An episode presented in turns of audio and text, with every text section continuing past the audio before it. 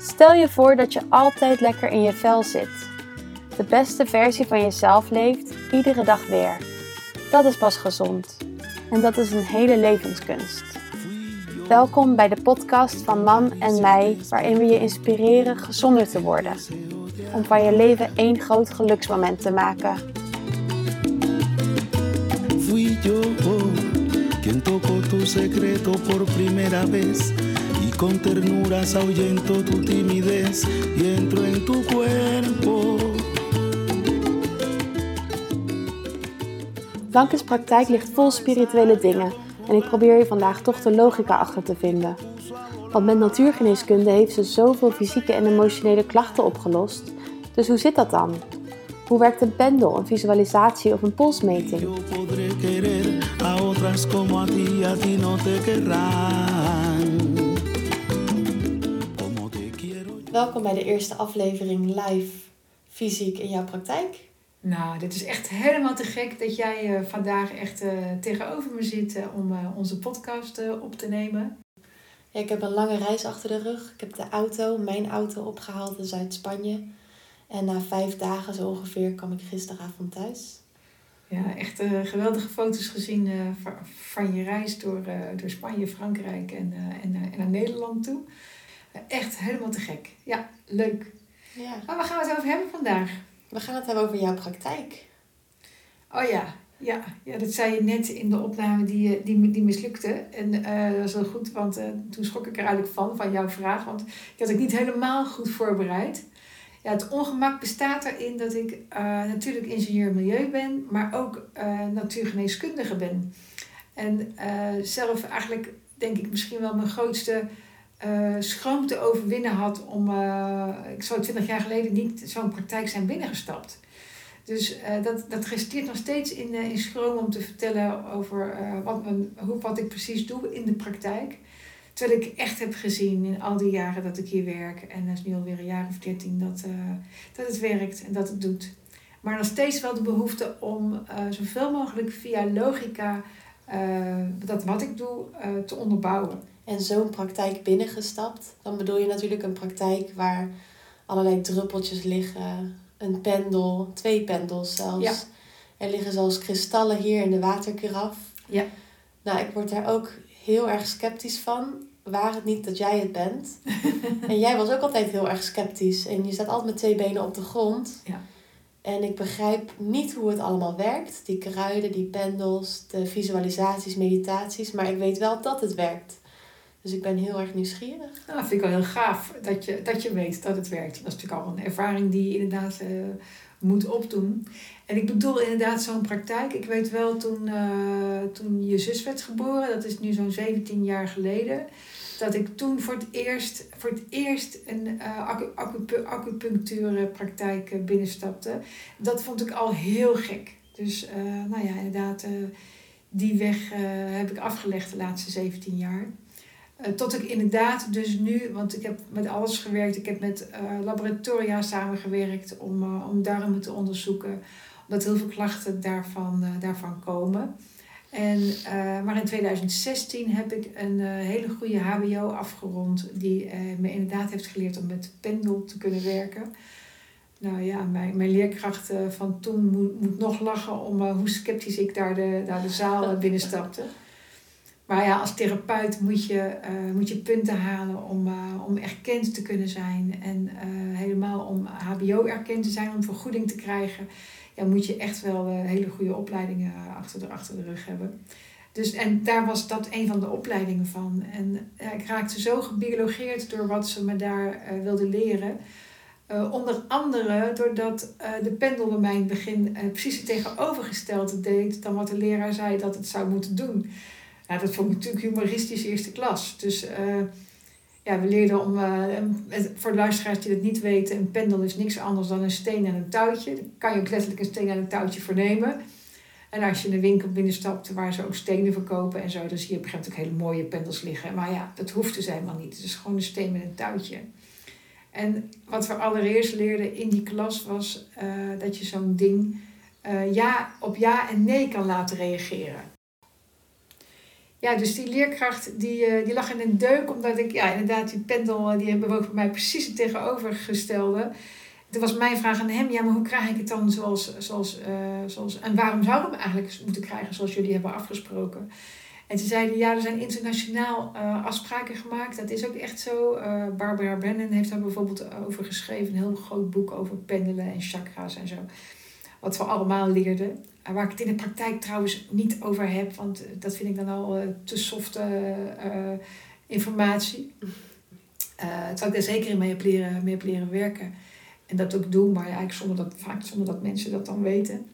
Uh, maar er zijn internationaal afspraken gemaakt ja, hoe een pendel hoort te, hoort te bewegen in verschillende omstandigheden. Zodat je met verschillende, landen, verschillende mensen uit verschillende landen af en toe zou kunnen samenwerken. Dus ik moest in die klas leren om die pendel net tegenovergestelde te gaan te laten bewegen. Nou ja, ik zat er echt van, ja, maar, ja, maar hoe, hoe werkt dat dan? Dus hoe kan ik ooit zo'n ding gaan gebruiken? A, op de goede manier, op de internationaal erkende manier. Maar B ook, zodat hij niet doet wat ik denk, maar dat ik doe wat hij wat het antwoord is. Nou ja. Dus een steen en een touwtje, dat heb je dan in je hand. En die steen hangt dan naar beneden. Want die is wat zwaarder dan het touwtje natuurlijk. Of een mooie ketting zoals jij hebt. Dus die hangt zo loodrecht naar beneden. En als jij de intentie of de gedachte ja voelt van binnen, dan zou die in een cirkel moeten gaan draaien. Ja. Zeg je en voel je heel hard nee, dan zou die zo diagonaal eigenlijk op en neer moeten gaan. Ja. Van, van, uh, van voor naar achter. Ja. Ja, ja. Dat is al heel wat om dat voor elkaar te krijgen. En het is toch gewoon een steen en een touwtje? Het is gewoon een steen en een touwtje. Maar hoe, ja, waarom? Waarom doet hij dat dan, als je dat denkt? Ja, dat is gek, hè? Dus uh, ja, dat vind, ik, dat vind ik dus inderdaad, dat is inderdaad natuurlijk al hocus pocus. Vinden kinderen natuurlijk ook als kinderen binnenkomen ook hocus pocus. Maar uh, zoals we als volwassenen vaak afwerend worden van ja, zal wel hoor. En misschien zelfs de neiging hebben om deze podcast van vandaag uit te zetten, omdat die wat minder logisch klinkt dan onze vorige podcast. Maar een kind is zo leuk omdat een kind nog geïnteresseerd is. van ja, maar waarom doet hij dat nou? En dat wil ik ook kunnen. Dat vind ik altijd leuk van kinderen. En, uh, en natuurlijk gaan kinderen dan een beetje stiekem gaan bewegen met dat touwtje, zodat hij alsnog doet wat zij vinden. Hè. Uh, maar ja, ik laat zien dat het, uh, dat het zo snel gaat en zo hard ook gelijk, dus zo hard van voor naar achter of zo hard in een cirkel.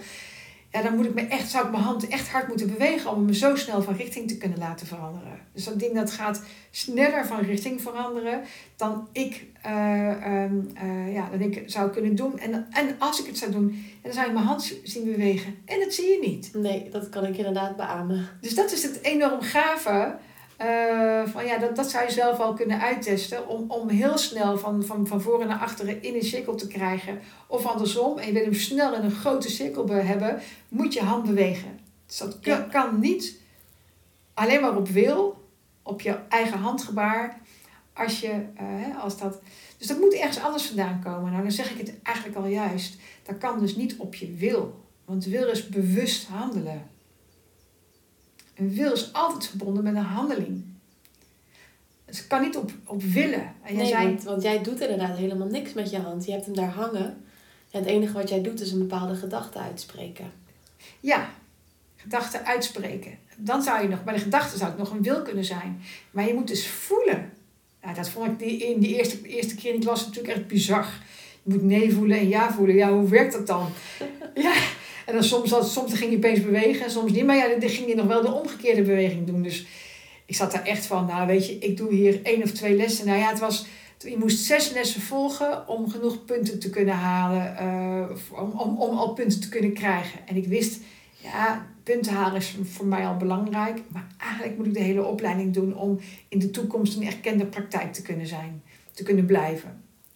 Want die regels die zijn verscherpt een paar jaar geleden. Dan, nou, oké, laat ik beginnen met, uh, met een paar lessen. Dat ik in ieder geval mezelf beloof dit blok van zes af te maken. Anders had je mij nooit aan die pendel gekregen. Laat ik dat heel duidelijk zijn. Dus het ging echt om die punten. Gelukkig maar. Hè, soms word ik gestuurd door, door punten of door geld of door een prestatie iets. En gelukkig maar, want anders had ik deze weg nooit genomen. Ik vond het bizar. Te bizar voor woorden. En frustrerend, want ik denk natuurlijk niet wat ik wilde. En wat is deze weg dan precies? Want nu heb je zo'n steen die ja en nee doet voor jou, laat zien voor jou. Maar wat doe je er dan mee? Ehm, het heeft natuurlijk met voelen te maken. Want eh, je kunt iets denken, maar je, voel, je gevoel kan. ehm, je gevoel heeft ook kracht. Misschien een hele gekke opmerking die ik maak. Maar eh, als je nee voelt, is dat misschien wel. En wij denken, als we nee denken, dat dat. Oh, dit is een hele gekke opmerking die ik wil maken. Maar als je nee denkt, is het via je hoofd. En wil je, voel je nee, dan kan je je hele lichaam erin gebruiken.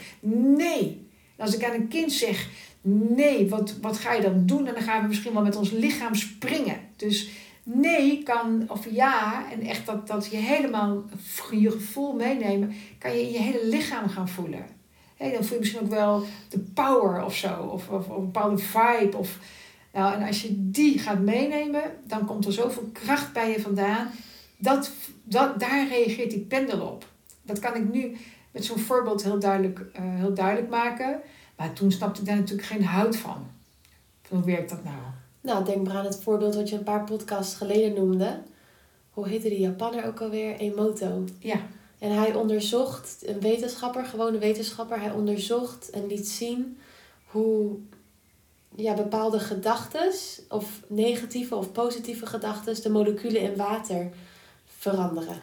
inderdaad. Hele mooie eh, plaatjes en foto's zijn daarvan. En eh, net maakte ik de opmerking, eh, in je gevoel zit, zit energie, zit kracht, zit een, ja, kracht moet ik het maar zeggen.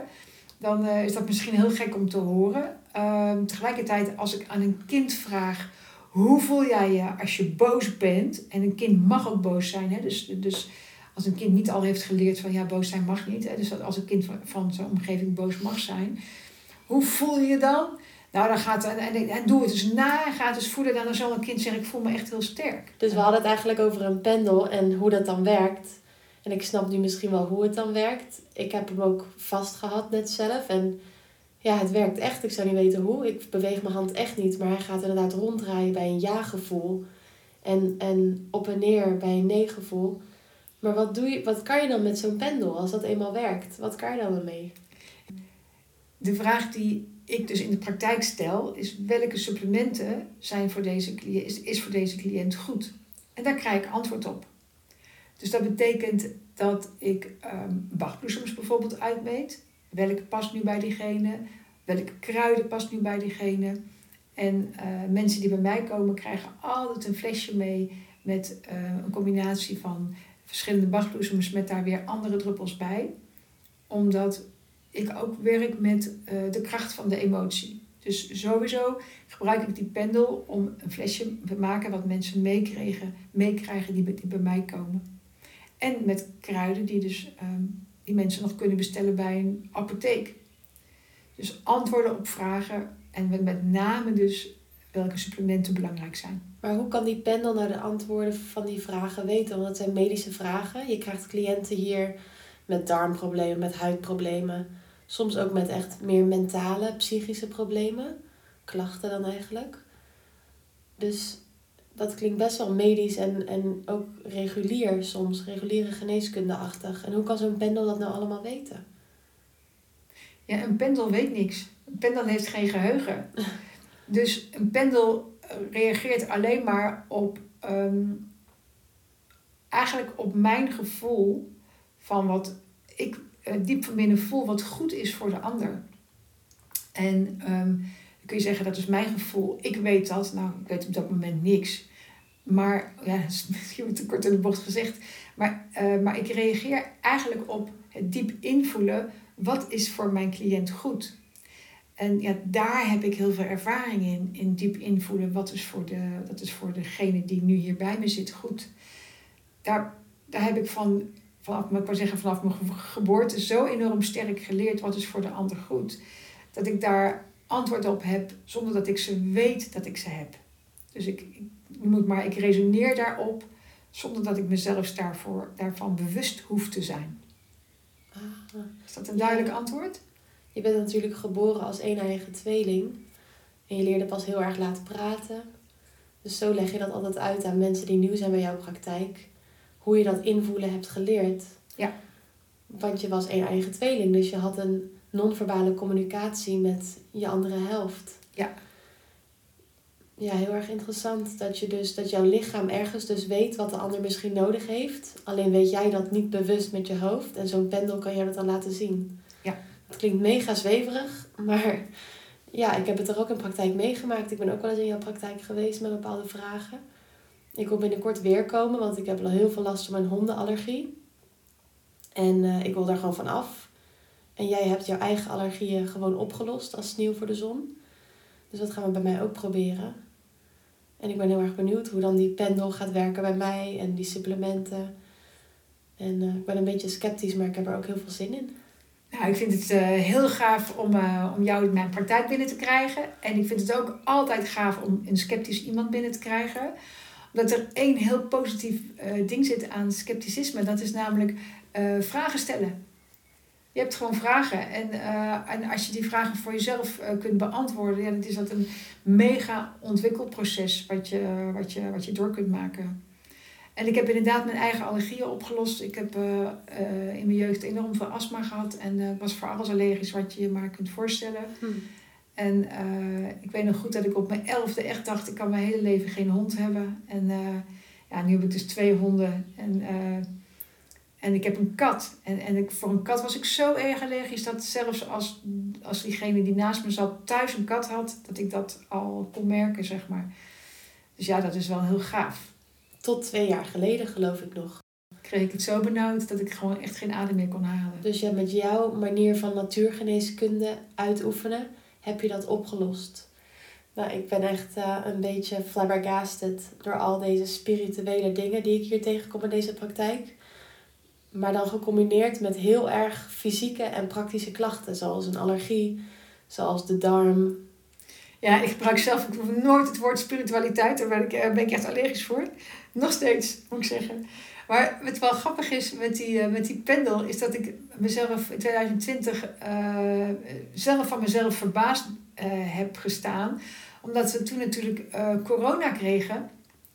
En uh, ja, er ook cliënten via Zoom, uh, of mag, hè, mocht eigenlijk niet, maar zo'n ander programma ook nog wat ik moest gebruiken, Therapieland.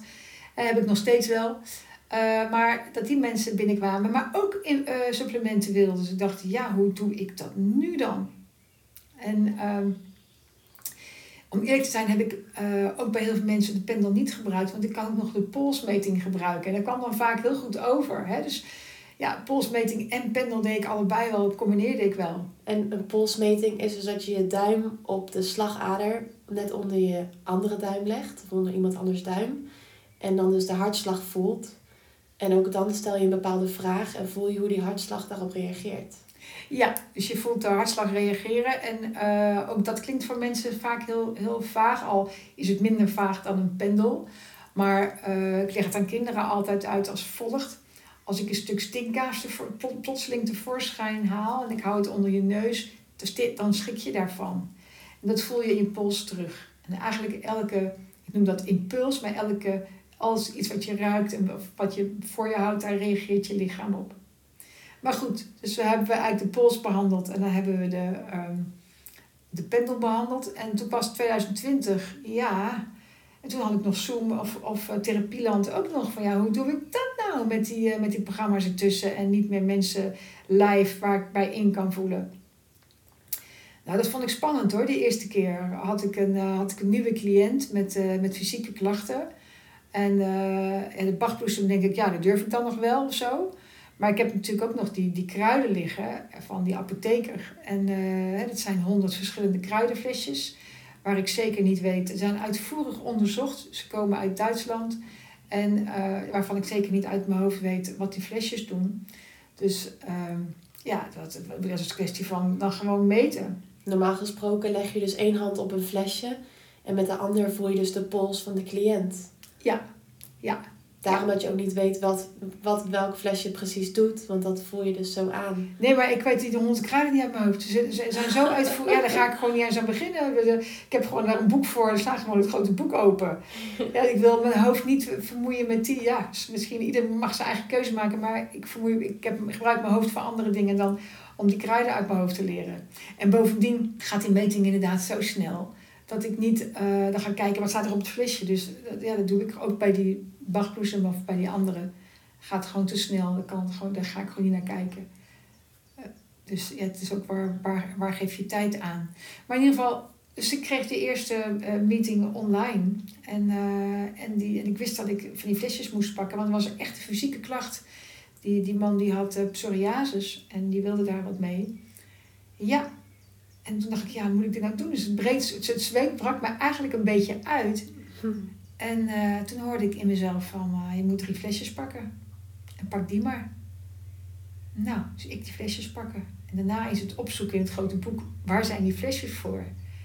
En bleken er toch twee van de drie uh, over psoriasis te gaan. Jeetje. Ja, ja, dus dat was wel, uh, dat was wel heel bijzonder. En, uh, en de derde die ging ook over huidklachten, zeg maar, maar dan niet met psoriasis zelf niet genoemd. Dus het ging alle drie over huidklachten en twee van psoriasis. Ja, dat was voor mij, ik dacht van, oh ja, nu durf ik dus wel weer door te gaan. En dat is vaak, ja, dus je eigen ontwikkeling die je ook doormaakt als, als therapeut. Van, ja, oké, deze durf ik mee te geven, want ze komen tegemoet aan zijn klacht. Ja, dus eigenlijk jouw manier van natuurgeneeskunde uitoefenen heeft heel erg te maken, heeft veel raakvlakken met emoto's onderzoek. Ja, heeft zeker raakvlakken met emoto's onderzoek. Namelijk uh, dat emotie terug te zien is uh, in water, in, in, in, zijn, uh, in zijn ding. Maar dat emoties ook terug te zien zijn in, in hoe je gezonder kunt worden. En het belang van emoties dat het gewoon effect heeft. En dat je dus bepaalde dingen kunt aanvoelen, bewust of onbewust. En dat het helemaal niet spiritueel is, maar misschien wel heel wetenschappelijk. Zoals water kan aanvoelen of jij boos of blij bent. Ja, gek hè? Die kleine moleculen dat blijkbaar kunnen aanvoelen. Of jij hoeft het dan geen voelen te noemen, maar ze reageren. Reageren. We reageren allemaal. Dat is dan, ik ben natuurlijk ook ecoloog, na, naast dat ik uh, natuurgeneeskundige ben. En ecologie zegt het ook. We zijn, de natuur is vaak in beweging en je reageert allemaal op, op elkaar. een plant lijkt stil te staan, maar, maar, maar kijk maar eens op YouTube naar een uh, versneld filmpje waar ze een, een plant tijd hebben gefilmd. Dan heb ik nu een beetje een meer wetenschappelijk gevoel bij jouw werk.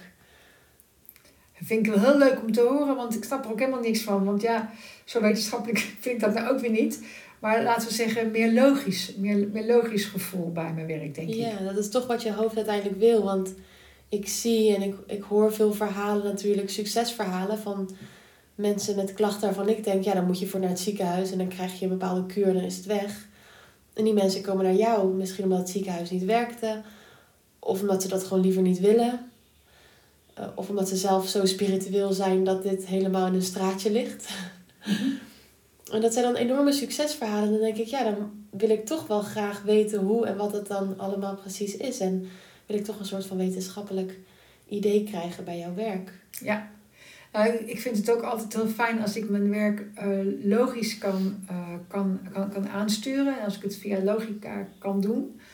Um, maar ik wil ook hierbij wel iets uh, noemen over twee onderwerpen benoemen die uh, in feite, waardoor ik feite mijn eigen ruiten in, in, ingooi van uh, hoe, hoe goed ik mijn werk wel of niet doe. Maar ja, die ik wel belangrijk vind uh, in gezondheid. En het eerste is het zelf doen. Dat we gewoon heel blij worden van als we als mensen zelf iets aan onze gezondheid kunnen doen. En dat gevoel krijg je natuurlijk als je een complementaire praktijk binnenstapt. En vandaag hoorde ik trouwens ook een verhaal van een cliënt van mij in het, uh, in het AMC in Rotterdam. Dat ze speciaal naar dat ziekenhuis was gegaan met haar klacht. Uh, ze, heeft, ze heeft last van een tumor. omdat ze haar zo enorm respectvol behandelen. En het maakte me echt blij. Want ik denk, ja, als we dat gaan snappen als, als, als artsen, als ziekenhuizen en in het reguliere circuit ook dan, dan geven we mensen al heel belangrijke genezingskracht mee. Want als je, als je het gevoel hebt van ik kan zelf mijn steentje bijdragen, ik ben niet zozeer afhankelijk. Hè. Aan de ene kant kan je misschien geholpen willen worden, maar aan de andere kant, wat een power kan het geven als je het gevoel hebt dat je iets zelf kan doen. En uh, ja, bij die AMC Rotterdam, uh, daar, daar werd ze. Ja, dat was echt heel gaaf. Daar werd ze, er was veel medeleven. Ze werd, ze werd gebeld uh, nadat ze een, een epilepsieaanval had gehad. Maar ook um, ja, hebben ze, had zij het idee van ik heb die epilepsie, epilepsieaanval gehad omdat ik met bepaalde medicatiebalans uh, niet goed is. Ze was met eentje aan het afbouwen en eentje aan het opbouwen. En ze had ze een voorstel voor die, uh, hoe, ze, hoe ze dat het beste kon doen. En daar zijn ze in meegegaan. Dus dat is echt Het is echt ja, em- self-empowering, hoe belangrijk dat is. Dan kun je het niet op willen doen. Dat is dan weer een groot nadeel. Maar je kunt wel het gevoel van... hé, hey, ik draag mijn steentje bij, kan heel belangrijk zijn. Ja, dat kan ik me helemaal voorstellen. Ik bedoel, we houden allemaal enorm in deze tijd van hulpboeken lezen. Ja. Dat laat het eigenlijk al zien. Ja. We willen Ja. het allemaal graag zelf snappen en zelf doen. Ja, en het woord self-empowering is een heel belangrijk woord eh, in onze taal volgens mij nu. Ja. En een ander ding wat ik eh, zeker wil noemen, dat is ook inderdaad een steen in mijn eigen ruit gooien, dat is het effect van eh, placebo. En dat is eh, een enorm groot effect, het placebo-effect. Ik heb pas nog een verhaal gelezen van gewoon een reguliere arts die met ehm, een onderzoek bezig was en, en twee groepen had gefor- geformeerd van patiënten met dezelfde klachten. En de een had hij een placebo eh, meegegeven en de ander had hij, eh, had hij, de, had hij de echte medicijn eh, meegegeven. En er waren bepaalde bijwerkingen als hartklachten, als een verhoogde, verhoogde bloeddruk. En ehm, op een gegeven moment, na een dag na het innemen, kwam een patiënt inderdaad enorm boer, zich beroerd voelend eh, eh, daar binnenstappen. Van, ja, ik heb alle bijwerkingen, er waren er nog meer hoor, dus hoge bloeddruk, hartkloppingen, maar er waren er meer ademnood, ehm, nou noem maar een paar op. En ehm, nou ja, toen zeiden ze tegen die, eh, eh, tegen stress, maar dat was nog meer geloof maar goed, weet ik even niet meer uit mijn hoofd. Zeiden ze tegen die man, meneer, u zat in de controlegroep, u zat in de placebo-groep. U was niet, u had het medicijn helemaal niet. En binnen 10 minuten, terwijl we echt dachten van, nou ja, er is echt iets ergs aan de hand met die meneer. Binnen 10 minuten waren zijn hartslag, zijn zuurstofgehalte, dat was het, zijn hartslag, zijn zuurstofgehalte, zijn ademhaling, zijn eh, stresslevels, uh, adrenaline level, waren allemaal weer op gewoon niveau. Dus je bent in staat om binnen 10 eh, minuten jezelf in een enorme gezonde balans te krijgen. Nou, daar, daarmee gooi je je eigen glazen juist niet in. Want het is niet zo dat we opstaan en precies weten hoe we onszelf moeten genezen. Nu laat je wel zien dat we dat kunnen. We kunnen echt superveel zelf doen. Ja. Maar jij begeleidt mensen daar dan in. Je begeleidt mensen in leren hoe je jezelf kan genezen. Ja, dat is, dat is, dat is, dat is wat, ik echt, wat ik echt wil doen. En eh, het liefst ook nog in de workshops eh, die, die, die, die, die ik geef. Omdat het heel gaaf is om eh, mensen elkaar ook daarin te laten spiegelen. En elkaar daarin te ondersteunen in die zin. Eh, maar inderdaad, eh, ja, wat is er nodig om je zelfgenezend vermogen echt aan de gang te krijgen? Want die hebben we. En hoe ga je dat dan aanpakken als ik binnenkort bij jou kom met mijn hondenallergie? Ja, dat is dus zo persoonsgebonden dat ik daar nu echt nog geen weet van heb. Maar kan je niet een beginnetje maken alvast? Van nou, dan beginnen we met een pendel of een polsmeting of misschien wel een visualisatie. Klinkt trouwens heel spiritueel hè, als je dat zo allemaal Ja, op een rijtje zet. Jeetje, Nieke toch. Ja, het is wel handig om ook het nog over de kracht van de visualisatie te hebben. Gelukkig in de eerdere podcasts ook wel gedaan. Maar laten we dat eh, een volgende keer nog een keer doen. Ehm, nou ja, ik zou zo, zo allereerst met jou goed uitspinnen, dus goed doorpraten. Heb je altijd last van hondenallergie? Eh, zijn er momenten dat je het meer of minder hebt? Wat voor momenten zijn dat? Hoe voel je je dan? Ehm, zijn er ook wel eens momenten dat je er geen last van hebt? Hoe komt dat dan? Dus ik zou eerst eigenlijk eh, alle, alle randvoorwaarden eromheen. Wanneer begon je hondenallergie? Is dat altijd al geweest? Dus een stukje geschiedenis en een stukje eh, omgeving eromheen. Heb je ook wel eens last van allergie zonder dat je van je gevoel met honden in aanraking bent geweest? Dus al dat soort vragen zou ik eerst eens eh, op een rij zetten. En dan kom ik weer terug bij mijn, bij mijn befaam, be- befaamde idee van dagboekjes.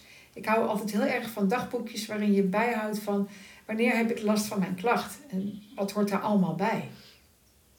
Zullen we het dan nu ook maar eens even hebben over die visualisaties? Ja, in een, in een visualisatie ehm, voel ik dus heel sterk in eh, bij de, bij de cliënt, dus bij degene die er is. En voel ik heel erg in wat hij wat hij nodig heeft, wat hij gevoelsmatig nodig heeft om gezonder te worden. Dus stel je voor dat, ehm, dat ik een cliënt binnen heb gekregen die, ehm, die zich eigenlijk heel verdrietig voelt. En dat niet zozeer laat zien. Dus dat is best altijd ingewikkeld, hè? Dat je dan een gesprek kunt hebben en dan hoef je dat niet eens te, te weten. Of misschien heeft zelf de cliënt het niet eens door, alleen maar dat, doordat dat hij boos is, bijvoorbeeld. Maar dan door het invoelen ehm, voel ik zelf al het verdriet, maar voel ik ook gelijk, zie ik gelijk een beeld van ja, hoe dat het beste opgelost kan worden. Dat is, dat is inherent aan mijn vermogen tot woordeloze communicatie. Welk, waar heb je behoefte aan?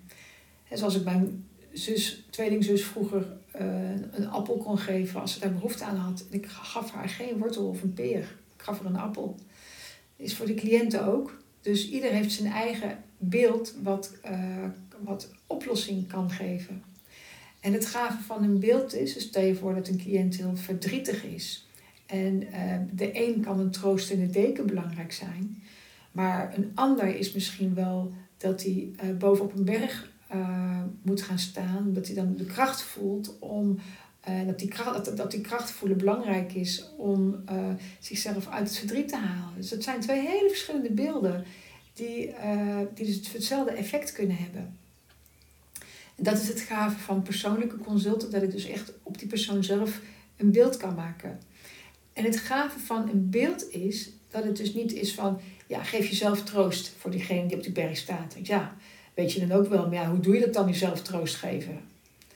En uh, of je kunt tegen die ander zeggen met, met die deken, zorg voor jezelf. Ja, wat is voor, voor mezelf zorgen? Dus, dus woorden zijn vaak loos en een beeld geeft veel meer gevoel ook af dus in die zin is het ook gezondmakend. En, uh, maar geeft nog meer informatie af die je niet allemaal in woorden kunt vatten. Want degene die die, die deken krijgt als troost, en die wil misschien ook wel, weet ik veel, de kriebelende wol. Of misschien kreeg hij van zijn moeder vroeger altijd een deken als hij ziek was met chocolademelk erbij. Ik verzin maar wat. Dus er kan ook nog eens een geschiedenis aan zitten, waardoor voor diegene die deken heel belangrijk is. Terwijl voor diegene die bovenop die berg gaat staan, die deken helemaal niet uh, een oplossing zou zijn. Want die zich juist misschien verstikkend voelt door die deken. Dus zo zie je dat de visualisatie apersoonlijk is. En ook dus uh, ja, bij de ene een heel positief effect op kan roepen, bij de andere negatief. En dus veel meer informatie kan bevatten dan je bijna in woorden kunt, zelf kunt verzinnen als het ware. Ik bedoel, ik weet niet van die moeder die vroeger die wel of niet die deken gaf, snap je? Maar ik voel wel wat er nodig is voor die cliënt om nu uit deze situatie te komen. En geef je dat verhaal dan ook mee terwijl diegene daar ligt of zit? Ja, dus, dus wat ik altijd mee begin is met een meditatie. Dus een hele korte, ja, noem het maar een bodyscan, waardoor je gewoon het lichaam langs loopt en uh, ja, gaat voelen dat je überhaupt meer bent dan uh, alleen maar je gedachten, want je ook een lichaam hebt, zeg maar. En uh, daarmee maak, ja, maken we je lichaam meer ontspannen en doen het dan ook meer open. En daarna doen we pas de visualisatie. En die vertel ik gewoon. Dus ik ben gewoon aan het praten naar het verhaal. En heel soms vallen mensen zelfs in slaap. Vind ik helemaal prima. Want dat verhaal wordt toch wel op diep niveau opgepakt. Weet je waarom ik dit nou logisch vind klinken? Want als je aan een bepaalde herinnering terugdenkt bijvoorbeeld, krijg je, kan je een heel fijn gevoel krijgen. Of juist niet natuurlijk. Denk maar terug aan, weet ik veel, een super fijn kerstdiner ooit met je familie. Dan krijg je toch een heel warm gevoel bij. Dus kan ik me ook echt wel voorstellen, ik probeer het weer wat logischer te maken, dat zo'n visualisatie goed kan werken. Ja, terwijl de ander bij een kerstdiner een heel benauwd gevoel krijgt. En, en dus, dus je moet wel weten bij wie je zo'n kerstdiner dan als voorbeeld uh, neemt. En dan komen we dus uit, weer uit op de kracht van de emoties, dat daar dus energie in zit. Hè? zoals een kind donders goed weet. Hè? Maar um, ja, we zelf eigenlijk ook um, steeds meer mogen gaan ervaren hoeveel, hoeveel kracht erin zit. En dit gebruik je dus ook, deze manier van natuurgeneeskunde, bij iemand die een bepaalde darmklacht heeft of die al heel lang acne heeft bijvoorbeeld? Jazeker, omdat um, darmen een fysiek orgaan zijn, maar ook ja, het centrum van ons voelen. Zo zeg ik het maar even heel kort door de bocht. Um, en dat weet, dat weet je ook als je naar kinderen kijkt. Kinderen hebben zo vaak buikpijn. En dan gaat het toch over, uh, over iets wat ze spannend vinden. Of, of denk zelf als je zenuwachtig bent of als je iets moet doen, dan kan je obstipatie krijgen. Of juist dat je snel naar de wc moet rennen. En acne dan bijvoorbeeld, heeft dat ook te maken met emotie? Want dat klinkt wel heel erg kort door de bocht. Jazeker. Um, uh, vanuit de darmen komen heel veel klachten voort. En je, uh, je huid is uh, het grootste slijmvlies dat we hebben. Maar je, maar je darmen zijn ook bekleed aan de binnenkant met het slijmvlies. En ook het reguliere circuit weet dat, maken ze alleen geen gebruik van. Die slijmvliezen die corresponderen met elkaar. Dus je kunt letterlijk stoffen meten die uh, bijvoorbeeld een ontstekingsmarker, als je longontsteking hebt, heeft ook een relatie met je, met je darmen. Hé, hey, maar dochter, het is echt enorm leuk om hier, uh, om hier live uh, tegenover jou te zitten. En ik zou echt uren door kunnen praten. Uh, maar ja, de tijd komt eraan dat we, dat we deze podcast moeten, moeten beëindigen. En ik zou hem best liefst nog met twee hele praktische dingen willen beëindigen. En want zoals ik net tegen je zei, er zijn een paar elementen die, die ons gezonder maken. En dat is het idee, een van die twee is het idee dat we het zelf kunnen doen. En ja, dan kom ik toch op iets heel praktisch uit wat je echt zelf kan doen. En wat ik zelf heel leuk vind, omdat ik daar nu ook veel tijd in stop. En dat is verse kruiden eten.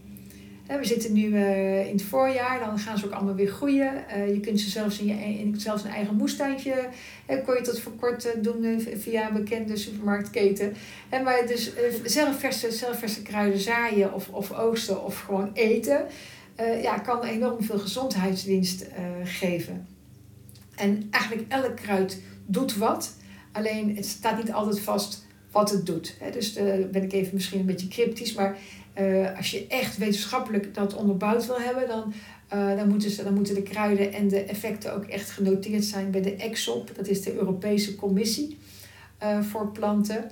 Maar ik denk dat het voor, ja, voor de luisteraar al heel leuk is om te weten dat peterselie, tijm, salie, um, um, heel veel mooie effecten op ons lichaam kan hebben. Dille, rucola, wat dan misschien niet een kruid meer een groente is. Hè, maar uh, rucola kan goed zijn voor de lever, peterselie voor de longen. Dit zijn feiten die niet via de extop zijn vastgezet. Maar salie, dat het op, de, op onze hormoonhuishouding werkt. Of um, dat salie werkt op, op, op, je, op je slijmvlies een positief effect heeft. Dat is al meer uh, wetenschappelijk vastgesteld. Weet je wat ik ga gebruiken vanavond? Nou? Koriander. Ah, dat is ook, vind ik ook zo lekker kruid, hè? Maar wat kan dat dan doen met je lichaam bijvoorbeeld?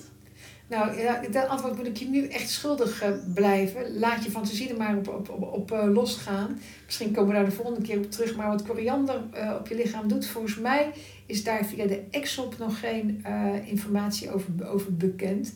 Dus misschien is het voor de luisteraar nog wel het meest belangrijk dat al die kruiden een positief effect kunnen hebben. Dus dat is mijn pleidooi waarmee ik wil afsluiten vandaag. Gebruik zoveel mogelijk verse of gedroogde kruiden in je eten. Weet je wat ik vanavond ga maken? Nou? Ceviche. Licht even toe. Maar dan de veganistische variant. Want officieel is het vis, witte vis of um, van die shrimpies gegaard in limoensap. Maar ik, daar gebruik je dan linzen voor. En daar snijd je kleine rode uien in fijn, komkommer, tomaat, heel veel koriander dus ook. Mm. Zout. Nou, wat, blij dat je, wat ben ik blij dat je terug bent uit, uh, uit Mexico en dat je de Mexicaanse keuken meeneemt en dat je voor ons gaat koken vanavond. Dan vind ik het voor de luisteraar wel heel leuk als je het recept uh, weer wilt delen in mijn, uh, in mijn blog. Dat zal ik doen. Superleuk. Dankjewel, dochter. Querer a otras como a ti, a ti no te querrán. Como te quiero yo.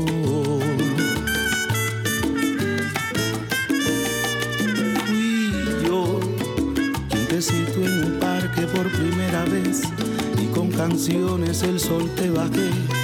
Ese fui yo.